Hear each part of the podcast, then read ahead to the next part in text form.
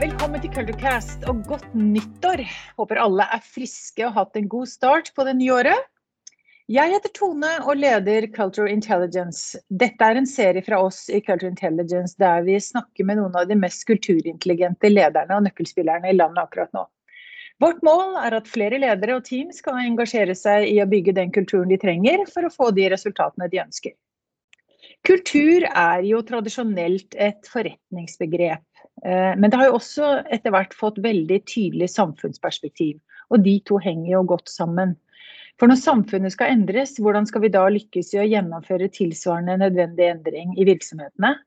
Og motsatt, hvordan skal vi klare å påvirke samfunnet med de tingene som virksomhetene trenger? Og den digitale transformasjonen har jo satt noen veldig tydelige krav til begge deler.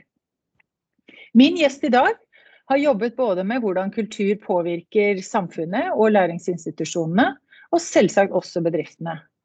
Hans største prosjekt er å forstå mer av hvordan ny teknologi endrer samfunnet, spesielt organisasjoner, deres forretningsmodeller og vilkår for verdiskapning. Han er professor i teknologi, kommunikasjon, organisasjon og ledelse, eh, intet mindre, ved NTNU, og er sterkt involvert i IKT-satsingen ved institusjonen. Han er forfatter, en erfaren foredragsholder, endringsagent og en stor utfordrer. Velkommen til oss, Arne Krokan. Jo, tusen takk for det. Hyggelig å ha deg her, eh, og utrolig kult at du ville stille opp på dag fire i 2022. Kan ikke du, før vi begynner med det som er spennende nå i dette året og litt tilbake, kan ikke du bare ta med meg litt sånn kort om deg og din bakgrunn og noen av, noen av de tingene som, noen av de mange tingene som du har gjort, som har ja. Eh, brakt deg hit? Ja, jeg er vel et resultat av ulike kulturer som, har, eh, som jeg har vært del av da, gjennom en lang, lang oppvekst. Eh, født på Levanger, gikk på fem forskjellige folkeskoler på syv år. Så jeg tenker at det gjorde meg tilpasningsdyktig i mange, mange sammenhenger. Eh, jeg tror jeg var den siste som bodde på Lillehammer og gikk på realskole. Gikk på gymnas og um, videre inn i, inn i høyere, høyere, utdanning. da. Så av tilfeldighetens veier så ble jeg eh, magister i familiesosiologi, som det het den gangen der. Jeg tok til og med mellomfag i kvinnesosiologi, for det gjorde man jo på 70-tallet. Eh, og så tok jeg seinere doktorgrad i medievitenskap. Og så har jeg jobbet eh, i forskjellige sammenhenger, i forskningsinstitusjoner. Jeg har vært leder av et kommunalt informasjonskontor et par år. Så kom jeg inn i utdanningssektoren gjennom det som het Statens bibliotek og informasjonshøgskole. Eh, hvor jeg måtte lære meg eh, noen av de klassiske bibliotekfagene for å få lov til å undervise der. Og Siden så tok jeg veien over i noe som het Norges markedshøgskole. og Det ble kjøpt av BI, der jeg jobbet med organisasjon og ledelse. Jeg var vel den første som lagde kurs der i, i mm, e-business, som eh, vi så fint kalte det. Og så fant man ut at man på NTNU trengte også et sånt etter- og videreutdanningsprogram i organisasjon og ledelse. Så fikk jeg De opprettet faktisk en stilling som jeg da etter hvert fikk, med oppdrag å bygge opp det. Og så siden så har jeg holdt på der oppe, da. Ja. Det der er jo en skikkelig rundreise på alt som egentlig har med kultur å gjøre, tenker jeg. Eh, og fra både den reddis, litt sånn reddis på 70-tallet med, med, kvinnefag. Det er jo interessant. Det kommer godt til, til nytte nå, da. Eh, men også dette med bibliotek og alt. Så det, jo, det høres jo ut for meg som det er eh, utrolig mange ulike måter å både observere, men også kanskje adoptere og ikke minst påvirke i forhold til eh, kultur. Så det er spennende reise. Nå har jeg sett litt på noe av det som du har gjort, og så har jeg tatt fram det der utsagnet du har med digital transformasjon handler ikke bare om teknologi og plattformøkonomi men minst like mye om kultur og forståelse for endringsprosesser. Det er jo et utsagn som, som, nesten roper til sånne som meg, uh, i forhold til å si Det er jo denne sammenhengen her vi trenger å forstå. Vi trenger å se begge sider, og så trenger vi å, å, å, virkelig komme til bunns i hva trenger vi å ha på den ene siden og på den andre siden. Så kan ikke du, kan ikke du forklare meg litt hvordan du ser dette? Ja, um Kanskje jeg skulle begynne med å eh, si, snakke om kultur. Da, fordi det, det, det, hender seg at folk snakker forbi hverandre når man bruker ordet kultur. Fordi allerede på, på 1950-tallet så fant forskere 164 ulike definisjoner av kultur, og siden har det bare blitt flere og flere. Ikke, ikke, kanskje ikke noen større enighet. da. Og En sånn klassisk definisjon som sosialantropologene bruker, som er fra 1871, den sier at kultur er den komplekse helhet som består av kunnskaper, trosformer, kunst, moral, jus og skikker, foruten alle de øvrige ferdigheter og vaner et menneske har tilegnet seg som et medlem av et samfunn. Er ikke det fantastisk sagt? Eh, veldig, veldig omfavnende og kanskje desto mindre presist, men interessant eh, fun fact. ja, og da tenker jeg at da er både kultur er mennesker. Altså Det er hva mennesker gjør og hva mennesker eh, ikke gjør. Og det man så ved overgangen til dette plattformsamfunnet. Da. Jeg skrev en bok som heter 'Deling eh, plattform tillit'. Uh, hvor jeg analyserte dette ganske grundig fra veldig mange perspektiver. Og det man så var at det var ikke nok å bare lage en arena, en digital arena, sånn som Airbnb gjorde f.eks. Man måtte, måtte, også oppdra de menneskene som skulle f.eks. tilby boliger. da, så disse gutta de leide jo fine digitalkameraer, så reiste de rundt og så viste de folk hvordan de skulle ta bilder av, eh, av utleieobjektene sine. Så ga de anvisninger på hva folk skulle skrive. Du skulle ikke bare skrive de pene tingene. Av fem ting så ble det kanskje anbefalt å skrive tre positive ting, men to ting som ikke var så positivt. F.eks. at det kunne være støy, eller at det lå langt unna det og det og det. da. Eh, og det, det, skaper på en måte en ærligere framstilling. Eh, og for å greie oss å få til det, eh, og det er jo en fordel både for ut, dem som leier det ut, dem som leier, men det er også en fordel for dem som eier plattformene. Fordi hvis de kan bidra til å skape en kultur av ærlighet og redelighet, så skaper jo det et positivt omdømme. Og sånn kommer du inn på Eh, når du jobber med digital transformasjon som det jeg er fascinert av da, eh, så kommer du inn på at alt henger sammen med alt. Mm. Og det er det litt eh, Den andre enden er jo vi kanskje vi starter jo med kulturforståelse. og Vi har definert det ganske presist som summen av de verdiprioriteringene som finnes imellom mennesker i, i et gitt lag.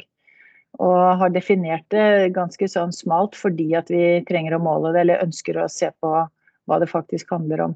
Men, men når du, og, det må jo da være i tråd med den plattformen som man skal operere på, eller det, den businessmodellen som man har.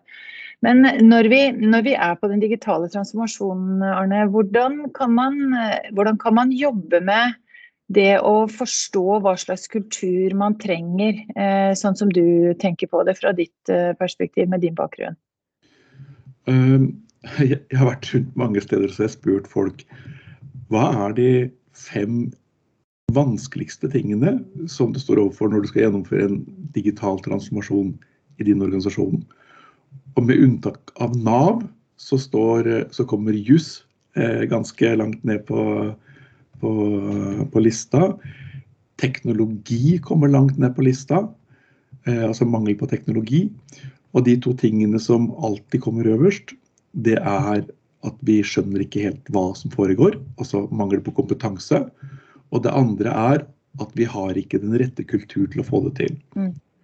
Og nå jobber jeg med digital transformasjon i finanssektoren. Jeg har et stort prosjekt som går over to år. Og der har vi nå flere hundre mennesker allerede som har skrevet diskusjonsinnlegg om hva som gjør endring i finanssektoren vanskelig. Og der går ordet kultur igjen. Altså Vi har ikke kultur for endring. Det vi har kultur for, det er å sørge for sikkerhet for pengene. Det er å sørge for compliance i forhold til alle krav og reguleringer og alt man skal etterleve som aktører i den sektoren der. Altså de juridiske forholdene. Eh, så har man liksom en tradisjon som går tilbake fra den tiden det var over 600 banker i Norge ikke sant? Eh, som hadde en lokal tilknytning. Eh, og man har en slags sånn tro på at den lokale tilliten og den tradisjonelt høye tilliten skal være nok til å endre det. Til, å stå imot da, de endringene som, som, kommer. Men så kommer jo aktører som Klarna. Mm. Hva er det dem lever av, da? Jo, det er jo tillit. Ikke mm. sant? Og hva er det Klarna har gjort? Jo, det har bygd en helt annen infrastruktur enn det bankene har gjort. Og så kommer den ene aktøren etter den andre og så sier at vi løser det behovet som, som ikke dere greier å gjøre. F.eks. når noen, et lite firma opp på Geilo skal bygge luksushytter til 10 millioner. Eh, så syns bankene det er skummelt å gå inn med der. Men Folkeinvest finansierer det. Ikke sant? Gjennom crowdfunding, gjennom folke, folkeinvestering. Um, og så tar det tid før, uh, før bankene og de tradisjonelle aktørene kommer med på dette. Og jeg tenker Alt dette handler om kultur. Altså, det handler om at man er flink til å gjøre det man har gjort før. Men, man, men ledere blir heller ikke målt på, på, endring eller på innovasjon. Jeg har ikke møtt en eneste leder som ble målt på, faktisk blir målt på innovasjon. Og Derfor så forholder man seg til det man blir målt på, og det er, det er stort sett økonomiske resultater. Mm. Og så kan vi si i 2022 som det nå har blitt, så, er, så tror jeg at alle ledere har den innsikten. Og vi har, vi har lest uh, på ulike steder at um, eh, MIT var det siste som sa det, at mer enn 90% av ledere vet at kultur er en viktig bit for å lykkes med endring. Men mindre enn 25% av lederne har en plan for å få det til. Mm. Og, og jeg, jeg lurer så veldig på hvorfor er det sånn? Hva er det de mangler? Hvorfor kan vi ikke bare gå løs på det? Men kan du se, Hvor, hvor, hvor er de fleste ledere utdannet hen, da? Eh, det er vel på NTNU, da, eller? Ja, det, det er veldig mange. Ja. Altså, du har to ja. tradisjoner for ledere. Det er enten er ja. som ingeniører i veldig, veldig, store deler av, av samfunnet.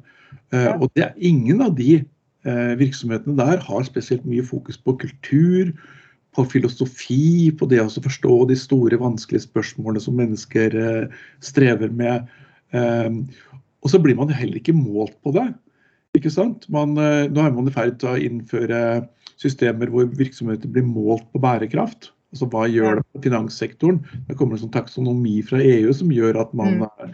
man faser inn den type, type, krav. Men blir man målt på samfunnsansvar f.eks.? Blir man målt på uh, på medarbeideres tilfredshet med jobben, altså på hvordan medarbeidere utvikles. Nei, det blir man ikke. Og så er det jo også så pussig, egentlig, at hvis du, hvis du, investerer i en eh, super PC til eh, medarbeideren din, så er det en investering.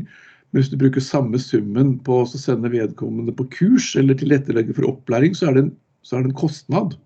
Mm. Ikke sant? Så, så, vi har på en måte ikke en kultur, for å bruke det ordet igjen, da, for eh, å ta hensyn til kultur. Mm. Ikke sant? Altså, vi har ingen tradisjon for at kultur kanskje er mye mer meningsbærende, verdibærende i organisasjonen. Man snakker om det, men når det kommer til stykket, så vet man ikke hva man skal gjøre med det. Mm. Og jeg, jeg veileder jo av og til noen sånne masteroppgaver i organisasjon og ledelse på, på, NTNU. Og der var det en som jobbet i politiet, som skrev en masteroppgave om endringsprosesser i politietaten. Og dette var etter 22.07. Eh, og denne Gjørv-rapporten, som mm. veldig sterkt påpekte at eh, politietaten har et kulturproblem. Mm. Og da var det strategimøte fra, i et av politidistriktene i Norge, hvor eh, politimesteren da eh, etter eh, samlingen sendte brev til politidirektøren med beskjed om at nå har de vedtatt å endre kultur. Ja. Da, da tenker jeg Det sier litt om det, hvordan forstår man hva kultur er. Mm. Ikke sant? Og man kan lage definisjoner. Jeg, jeg syns jo egentlig at um, Jeg er egentlig ikke så veldig glad i definisjoner. Fordi eh, de fleste ting kan forstås på ulike måter. Og en definisjon kan være egnet for ett formål, men totalt uegnet for et annet, eh, et annet uh, formål. Og, Hvis man bare knytter kultur til verdier, så mister man aspekter som har med makt å gjøre. Som har med Eh, med kompetanseforskjeller mellom forskjellige profesjoner å gjøre. Altså Måten man forstår en virksomhet på, måten man forstår eh, hvordan mennesker samhandler. Eh, og til og med kanskje måten man forstår hva slags mål man har i en organisasjon. Som vil være forskjellig avhengig av den enkeltes biografi, den enkeltes bakgrunn. da. Mm. Men det kan jo ikke være sånn at en så viktig faktor, hvis vi har identifisert en så viktig faktor, at vi lar være å, å ta i det. Liksom det. det. er den biten der jeg syns er kjemperar i forhold til når, når, begrepet kultur er så velkjent og så godt definert som en stor utfordring i endringsprosesser, eh, og i den, selvfølgelig den digitale transformasjonen også, så, så, leter jeg etter hvor er de gode, farbare veiene for å liksom komme det litt til livs, og få definert opp da hva, hva gjør, hvordan kan man forstå det, hvordan kan man kartlegge det, hvordan kan man liksom gjøre dette til ikke tacit knowledge, men, men explicit knowledge som man kan bruke. Så det er jo den reisen der vi er på, og det er jo utrolig interessant å høre det du har gjort i forhold til å sette det sammen med disse mer teknologiorienterte plattformene og prosessene. Og det, det, det, jeg også så fra boken din, er jo at uh, disse endringsprosessene, altså to av tre endringsprosesser, skaper ikke merverdi for organisasjonen, uh, leste jeg. Men når medarbeiderne føler eierskap til formålet, altså purpose, um, og er involvert i å utvikle og prøve løsningen, lykkes åtte av ti ganger. Det, det, betyr jo at det er noe rundt uh, hensikten og formålet og, og, det, og, utviklingen som begge deler har med verdier og, og involvering å gjøre, som, som er en, en, ordentlig game changer i forhold til å lykkes eller ikke. Og hvordan, hvordan ser du at den eh, hensikten eller purpose eller formålet henger sammen med kulturen. Hvordan har du jobbet med det? Nei, altså jeg, jeg, tenker at kultur er det er, sånn, det, er, det er, sånn, vi gjør det hos oss. Ja, det er den lette måten å si det. Sånn ja, måten vi sånn gjør det på hos oss. Det er sånn ja. vi gjør det hos oss. ikke ja. sant? Og så er det en historie bak det. Hvorfor det ble sånn i den ene virksomheten og litt annerledes i den andre. da. Men ta, ta et eksempel da på dette som handler om digitalisering, som er litt sånn enklere enn digital transformasjon. og det er eh, ikke sant, Vi gikk fra å skrive reiseregninger på papir til å få det på, på en skjerm. Eh, og så eh, Eneste forskjellen var jo at du tasta det inn på, en, eh, på tastatur i stedet for å skrive det med penn. Men eh, vi fortsetter å behandle det på samme måte. Ikke sant? For når du skriver det inn, så kan, man jo, eh, så kan jo systemet sjekke om du har eh, gjort ting riktig, f.eks. Da har du fylt ut dette riktig i henhold til reglene. Men likevel så satte man personer til å kontrollere reiseregningen og til å godkjenne osv. Og, så og så kan du ta dette et hakk videre. da, og så spør jeg hvorfor trenger vi reiseregninger i dag? Jeg har jo, altså Nesten alle mennesker har en smarttelefon. Den mm. vet hvor du er, den vet hvor du bor. Den vet stort sett hvordan du reiser. Det er ikke så lett å kjøre bil langs togskinnene. Og det er heller ikke lett å kjøre, å kjøre tog på noen andre steder enn togskinnene. Og kjører du 800 km i timen, så er det bare én måte å gjøre det på også. Og hvis du har kjørt fra Oslo til, til Nittedal, der jeg bor, og plutselig har en regning på 1200 kroner, så er det mest sannsynlig at det er en taxiregning. ikke sant? Det står til og med Oslo Taxisentral eller sånn på den. Så hvorfor kan man ikke bare samle de dataene der, og så si at her, er, her, her var da du reiste hjemmefra, her er alle, mm. Alle mm. distansene du har reist og gjort dette her. Og så um, ser dette fornuftig ut for deg, får du spørsmålet der, så sier du ja mm. på det og så får du bare utbetalt pengene. Ja. Har, sånn, vil, sånn, vil, vi ha det. Ja, men, men, Og da tenker jeg Hvorfor er det ikke sånn? Ja. Og da tenker jeg at det er, det er pga. kultur. Og det er pga. manglende kompetanse. Altså, det, er ikke, det er ikke folk i organisasjonen som har, visjon, som har så mye teknologiinnsikt at de har en visjon til å finne ut at du kan gjøre det sånn. Og for det andre så er det noen mennesker som har interesse av å opprettholde den gamle funksjonen. Altså De menneskene som sitter og gjør dette, her, det er deres jobb. Og dem kommer ikke til å være de endringsagentene hvis de ikke blir oppmuntret til å gjøre det. Og så sier jeg at Hvis sjefen gikk til dem og sa at du, du skal få 10% høyere lønn hvis du finner på en måte som gjør at vi kan slutte å gjøre den jobben som du gjør, og så kan du få en mer interessant jobb. Noe du syns er mer interessant for å gjøre dette. Har du hørt om noe sted man har gjort det? Nei, dessverre. Nei? Og Det tenker jeg, det handler om kultur for endring. ikke sant? Altså Man mangler denne kulturen for, for endring. Så Jeg leste en artikkel for mange år siden som heter, i Harvard Business Review som het 'Digital transformation is not about technology'. Ja. Og Hva er den om da? Jo, det er om å skape nye arbeidsprosesser og et av rådene der er å organisere innovasjonsprosesser som startups. Rett og slett altså fristille dem fra alle kontrollkrav i linjen. Mm. Drive dette som en sånn innovasjonsprosjekt som om det var selvstendige unge mennesker som har funnet på noe, på noe lurt. Så, og, og jeg tror at det er veldig mye dette man savner. altså Eh, hvis du ser på, på, Norge, så er jo vi har en million mennesker omtrent som er ansatt i offentlig sektor. Og dem som ikke er det, så jobber 95% i små og mellomstore bedrifter. Ikke sant? Eh, så vi har noen sånne store corporate organisasjoner sånn som Equinor som bruker over en milliard i årlig på opplæring. Eh, som har mye fokus på kultursikkerhetskultur, f.eks. Som er mye av grunnlaget for deres virksomheter. Men så kommer du til alle disse små transportsentralene, eh, de, de mm, entreprenørene, snekker, elektrikerfirmaene, rørleggerfirmaene, ikke sant. Eh, som da ikke har det, har det fokuset. Eh, og som da, da, vil slite med å greie å skape den type endringer som vi ser komme. Mm. Den er veldig interessant, den intraprenørtanken. fordi vi har, I den forrige podkasten hadde vi Yngvar Ugland her. og da, Han har jo klart å lage et lite, lite sånn startup i en kjempestor bank. og det Kulturelt, hvordan er det i det hele tatt mulig? For det skal jo ifølge forskerne ikke egentlig gå an. Fordi til slutt så tar driften eh, over og sier så vi må gjøre det sånn allikevel.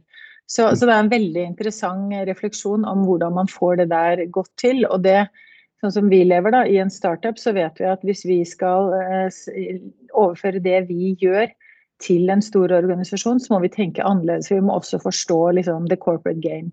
Hvordan skal dette henge sammen med kultur og ledelse i det selskapet som vi da jobber med. Så det er jo en uh, utrolig interessant overføring fra det innovative og inn til der hvor uh, endring, innovasjonen faktisk skal bli brukt og bli til verdiskapning. Mm. Så, så, det å se på, eh, se på innovasjonskraften, hvor den har blitt av eh, i, i, pandemien, det er jo også et element som vi har brukt mye tid på. Og vi har jo dokumentert data fra i pandemien, fra før pandemien, og så har vi sett at det har skjedd en forskyvning i forhold til at trygghetsverdiene har blitt mer viktige for folk. Mens, eh, og det har gått på bekostning av innovasjon. Så innovasjonskraften i norsk næringsliv har egentlig blitt dårligere gjennom pandemien. Eh, har du merket noe sånn, eller har du fått noe data på noe sånt? Du... Nei, jeg, jeg, har ikke data på det, men jeg har hørt mange si at produktiviteten har økt. Eh, det sa Merete Verven i Visma i fjor sommer da vi hadde en felles, eh, felles eh, sånn webinar der. At deres programmerere hadde økt, økt produktiviteten med jeg tror hun sa 25 det, på, på de månedene som var jobbet der. Og I noen sektorer så snakker man om at du får altså det er, det er, til hinder for innovasjon. Jeg ser jo, jeg kjenner folk som jobber i reklamebyrå, og det syns jeg er veldig vanskelig å sitte hver for seg. Eh, de er vant til å sitte og drodle over, over bordet med sånne ting. Men eh, hvis du tar den sektoren som jeg har mine to bein godt blant det som er universitetene, da, eh, så vil jeg ikke påstå at det er noe mindre innovasjon enn før på området utdanning, for det var ikke noe særlig før heller. og, det jo, og, det er jo, det tragiske, syns jeg, fordi man har ikke benyttet en mulighet til å gjøre noe som kunne skape et kvantesprang. Altså Man snakker fremdeles om digitale forelesninger. Ikke sant? Og da er det sånn at Zoom og Teams har over, overtatt, og så fyller en powerpoint-presentasjon med en talking head det fyller da skjermen til de stakkarene som da sitter et eller annet uh, sted hvor de fleste kanskje ikke hadde villet, villet være. Så i stedet for å bruke dette til en anledning til å lage mer innovative læringsdesign uh, Jeg har foreslått å forby ordet undervisning fordi det er så avsenderfokusert. Man snakker jo til og med om undervisningsplikt på universitetene. ikke sant? Du har undervisningsplikt, så det sier noe om hva, hvordan man forholder seg til dette hvis vi går tilbake til ditt kulturbegrep da, med verdier, eh, altså hvilke verdier som ligger bak forståelsen og handlingene. Så jeg, Mitt forslag er at vi bruker ordet læringsdesign, som har fokus på prosessene til den som skal, skal lære dette. her. Og der ser jeg at Vi har masse teknologi som gjør at vi kan gjøre ting på en annen måte. Jeg har jo fått eh, midler til å gjøre disse endringer, lage kurs for eh, finanssektoren. Og jobber med kurs innenfor digital transformasjon og bærekraft. Vi har 4000 personer på det introkurset i digital transformasjon og bærekraft nå.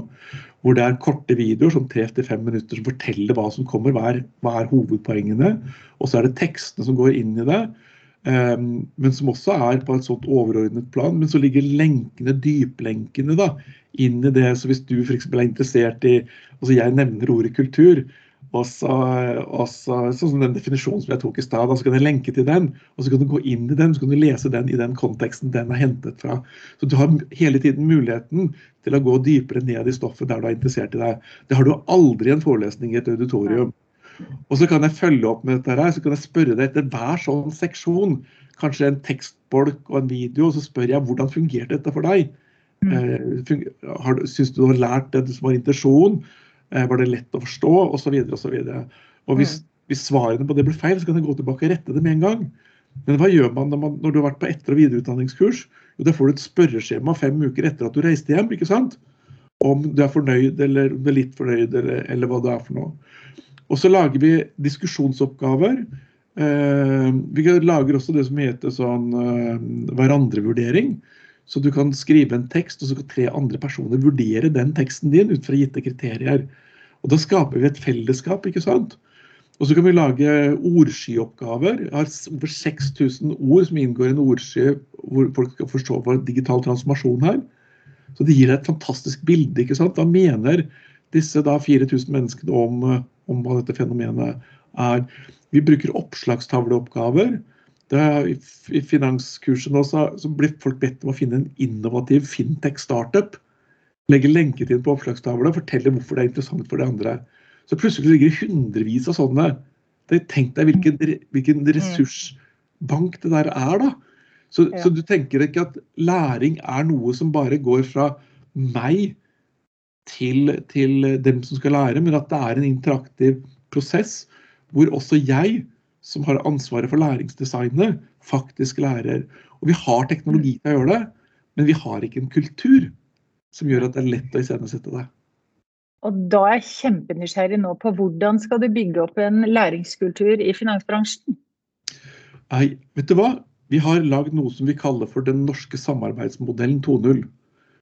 Og det mest fantastiske med det er at vi har lagt, skapt et samarbeid mellom arbeidsgiverforening-organisasjon, eh, som er Finans Norge, arbeidstakerorganisasjon, som er Finansforbundet, og NTNU, som er den akademiske partneren. Så vi har arbeidsgiver, arbeidstaker og akademia. Det er liksom den norske samarbeidsmodellen 2.0. Så allerede da vi søkte om penger til dette her, så jobbet vi sammen. Eh, jeg skrev i Google Docs, og dette ble sirkulert innad i de partene der. sånn at det vi endte opp med, det var å skulle forske på deres forståelse av hva, de, hva problemet var. Altså, det er ikke en ekstern part som, mm. eh, som, definerer hva problemet er, og så kommer folk og melder seg på kurs. Og så fikk vi penger, og så har vi utviklet det videre. Og da har vi hatt samme prosessen. Og begge disse to partene har satt av en 10% lederressurs. Så det er ikke, De har gått inn med penger, dekker egenandelen i forhold til, til prosjektet sammen med Sparebank1-gruppen. Eh, men i tillegg så har de også gått inn med lederressurser for å jobbe sammen mm. med dette her i både utvikling og gjennom, gjennomføring. Ja.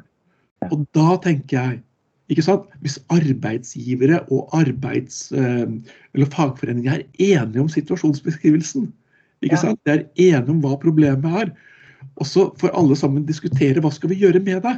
Ja, så kommer du fram til tiltak som man også er enige om. Det er jo en fantastisk grunnlag for å skape endring i en hel sektor. Vi snakker om en sektor med over 50 000 ansatte, eh, over 250 virksomheter, og det er samfunnskritisk virksomhet. Og ifølge, eh, ifølge analytikere så er det kanskje den sektoren i samfunnet som mest kritisk nå trenger en eh, digital transformasjon.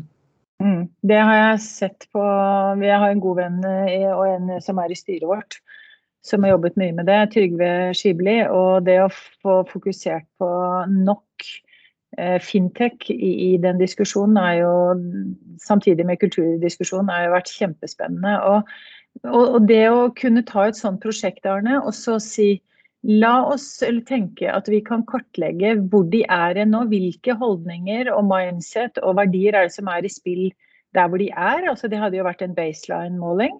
Og Ja. så kunne man brukt innspillene til de tre institusjonene og si hvilke elementer er det vi sikter mot som alle er enige om at ville vært viktig å få på plass. Mm. Så hadde vi hatt en, et mål, en målskive, og så kunne man eh, design, tatt læringsdesign mellom de to punktene.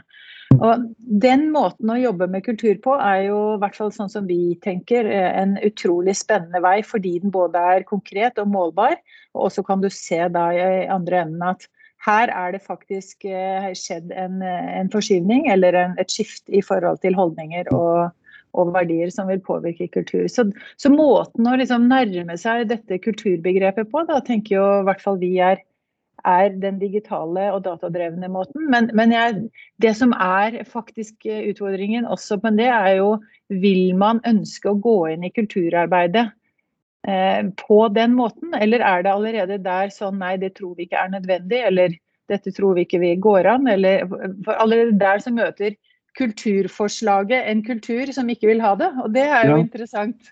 Hvor kjenner du igjen det? Jeg kjenner igjen det fordi at uh, Ja, jeg jobber jo med ting som folk ikke vet at de trenger. ja nettopp. Eller vil ha. Eller ikke visste Eller at de trengte. trengte. Og Ja. det er sånn. Men, eh, men dem som kommer til meg, dem får jo øynene opp, da. For eh, altså at, at det er sånn at alt henger sammen med alt, og at det vanskeligste er faktisk ikke teknologi, men du må ha innsikt i teknologi. Ikke sant? Og jeg hørte noen historier nå eh, om en dame som hadde blitt lurt til å investere i bitcoin. Men hun hadde blitt eh, hun hadde ikke, Pengene hadde ikke havnet i bitcoin, men hos en svindler som Ja. hadde lurt henne, en pensjonist. 300 000 kroner borte. Og så går hun til banken sin, og så, og og så får vi har fått en e-post og ser at det er noen, et firma som tilbyr henne å skaffe pengene tilbake for 60 000 kroner. Og så går hun til Mm. banken, og så sier finansrådgiveren at det handler om så mye penger, så han anbefalte henne å bruke 60 000 kroner på å prøve å få dem tilbake igjen. Og hvor kom den hendelsen fra? Høyst sannsynlig fra det samme svindlerne som har gjort det her. Men hvordan kan man gi et sånt råd? Det er fordi at man ikke har kompetanse, ikke sant? Ja. Har i det hele tatt ikke kompetanse på området, men likevel så er man autorisert til å gi de rådene der. Og da tenker jeg eh, kultur handler også om fortellinger. Ja. Ikke sant? Altså, det handler om storytelling, det handler om å, å kunne eh, målbære visjonene. Altså, hva, er det vi, hva slags samfunn vil vi ha i, i dette landet vårt? Hvordan vil vi ha det på arbeidsplassen? Hva slags relasjoner vil vi ha? Eh, hva skal til for at vi skal skape et samfunn som våre barn vil være stolte av at vi bidro til, ikke bare at vi at, vi, at de liksom tenker at vi dreit i alt vår tid. Eh, men at vi faktisk tok noen valg som var viktige. Og da tenker jeg at kultur er noe av det Det har vi faktisk styring med. Vi har ikke styring med hvordan verdens teknologi utvikles. Vi er en promille av verdens befolkning eh, og har veldig, veldig liten innflytelse. Jeg gjorde jo ganske mye research på utvikling av plattforminfrastrukturen i verden da jeg skrev den boka. Eh, og under 4% av verdiene av verdens plattformer er- tilhører selskaper i Europa. Og det, det tallet er enda lavere i FNs rapport om digital economy. Jeg tror det er 3,6% eller noe sånt. om det der. Og du kan ta med at Klarna er den suverent største europeiske plattformvirksomheten. Du kan tenke hvor lite det er på de andre. Så det vi Mhm. driver med i dette landet her, det har ingen betydning globalt. Altså, vi liker å tro at det har betydning, men Mm. alle de store, viktige tingene skjer andre steder.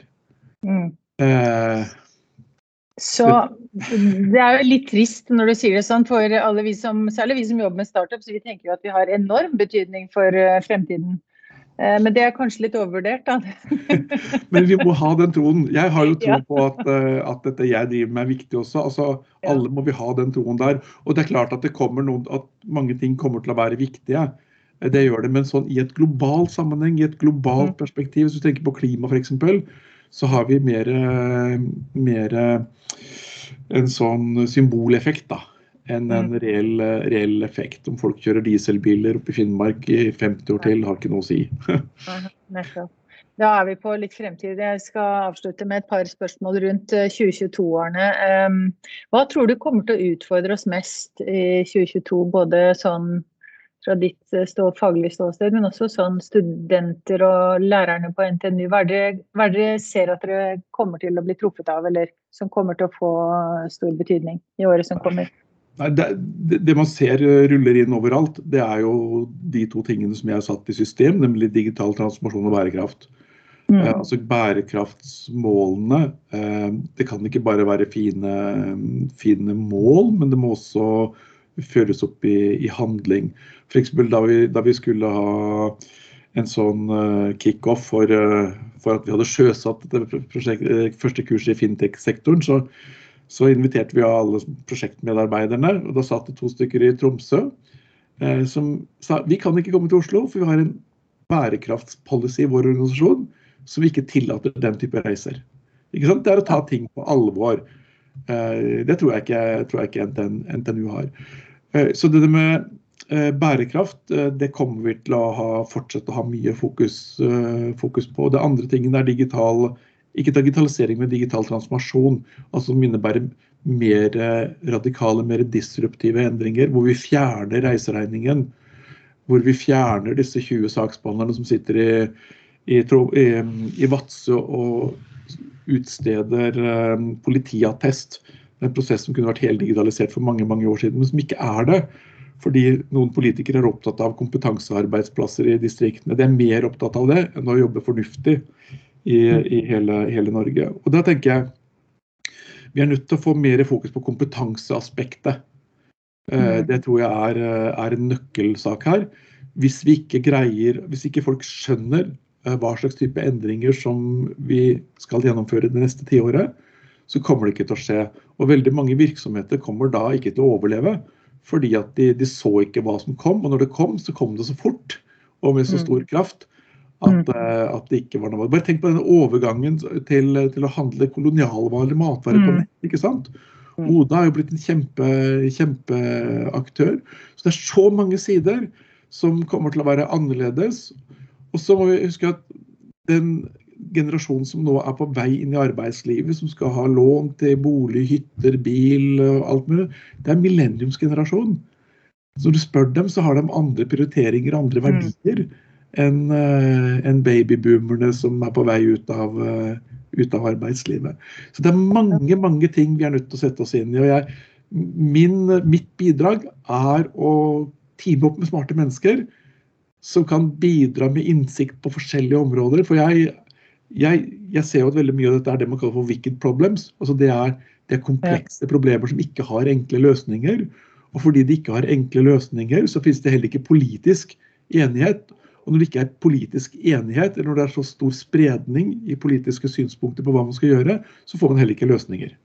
Nei, for da er mindsetene og verdiene ja. altfor forskjellige. Så det er uh, et siste innspill, Arne. Nå, nå, sitter jo veldig mange ledere med en splitter ny eh, laget strategi eh, for året som kommer. Eh, de har sannsynligvis satt seg noen mål, og de har antageligvis tenkt ut ganske mye både på finanssiden og på markedssiden. Men hvis du skulle gi et råd rundt kultur til de lederne som nå har en strategi, hvilke mål syns du de skal ha for, for, å få til kulturarbeidet sitt, sånn at dette går i riktig retning for dem?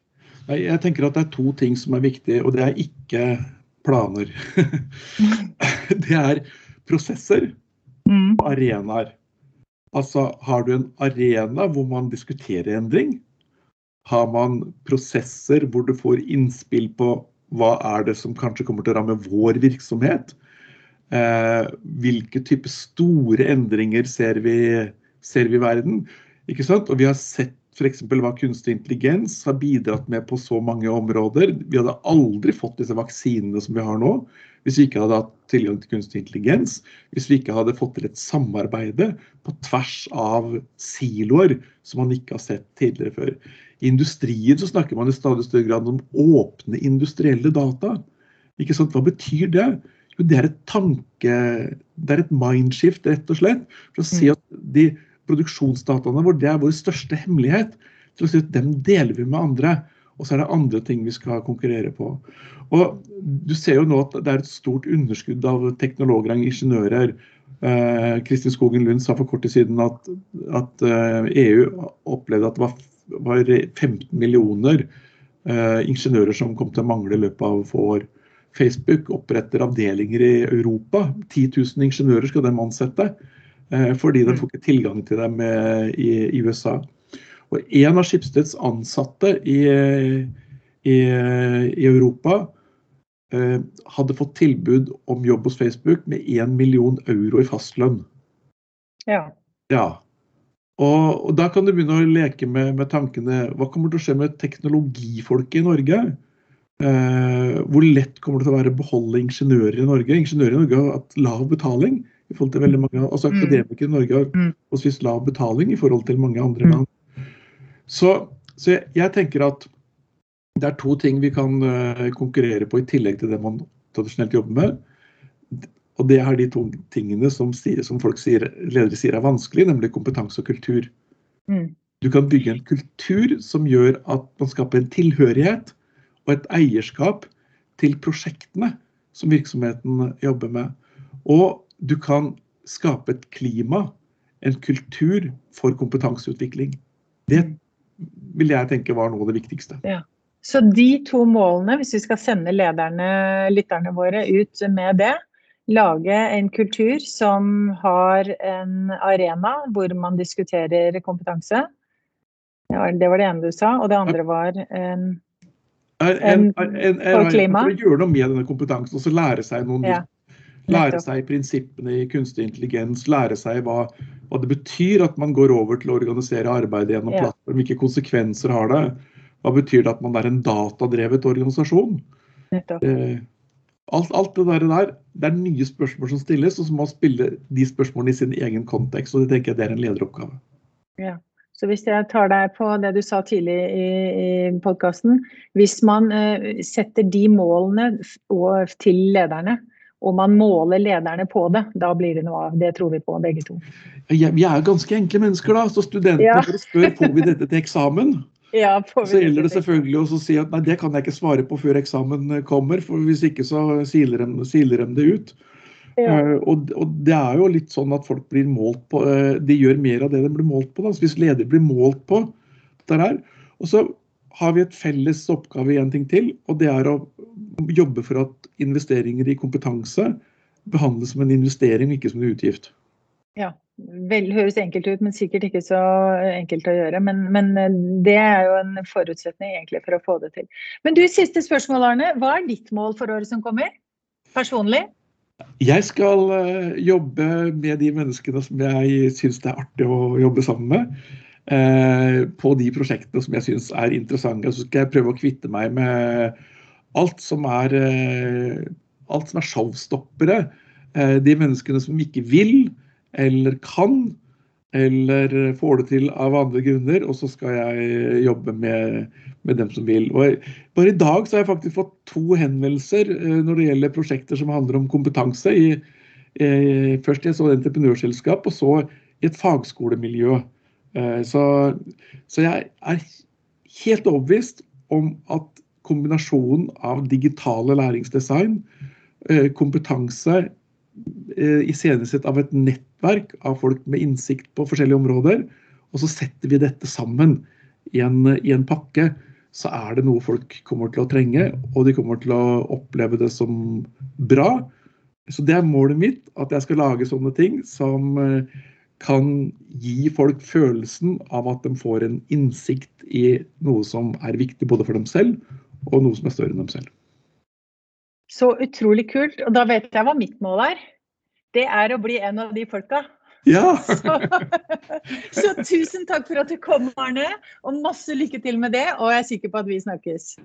Tusen takk, for, for invitasjonen. Og kultur er for viktig til at vi kan overlate det til kulturetaten.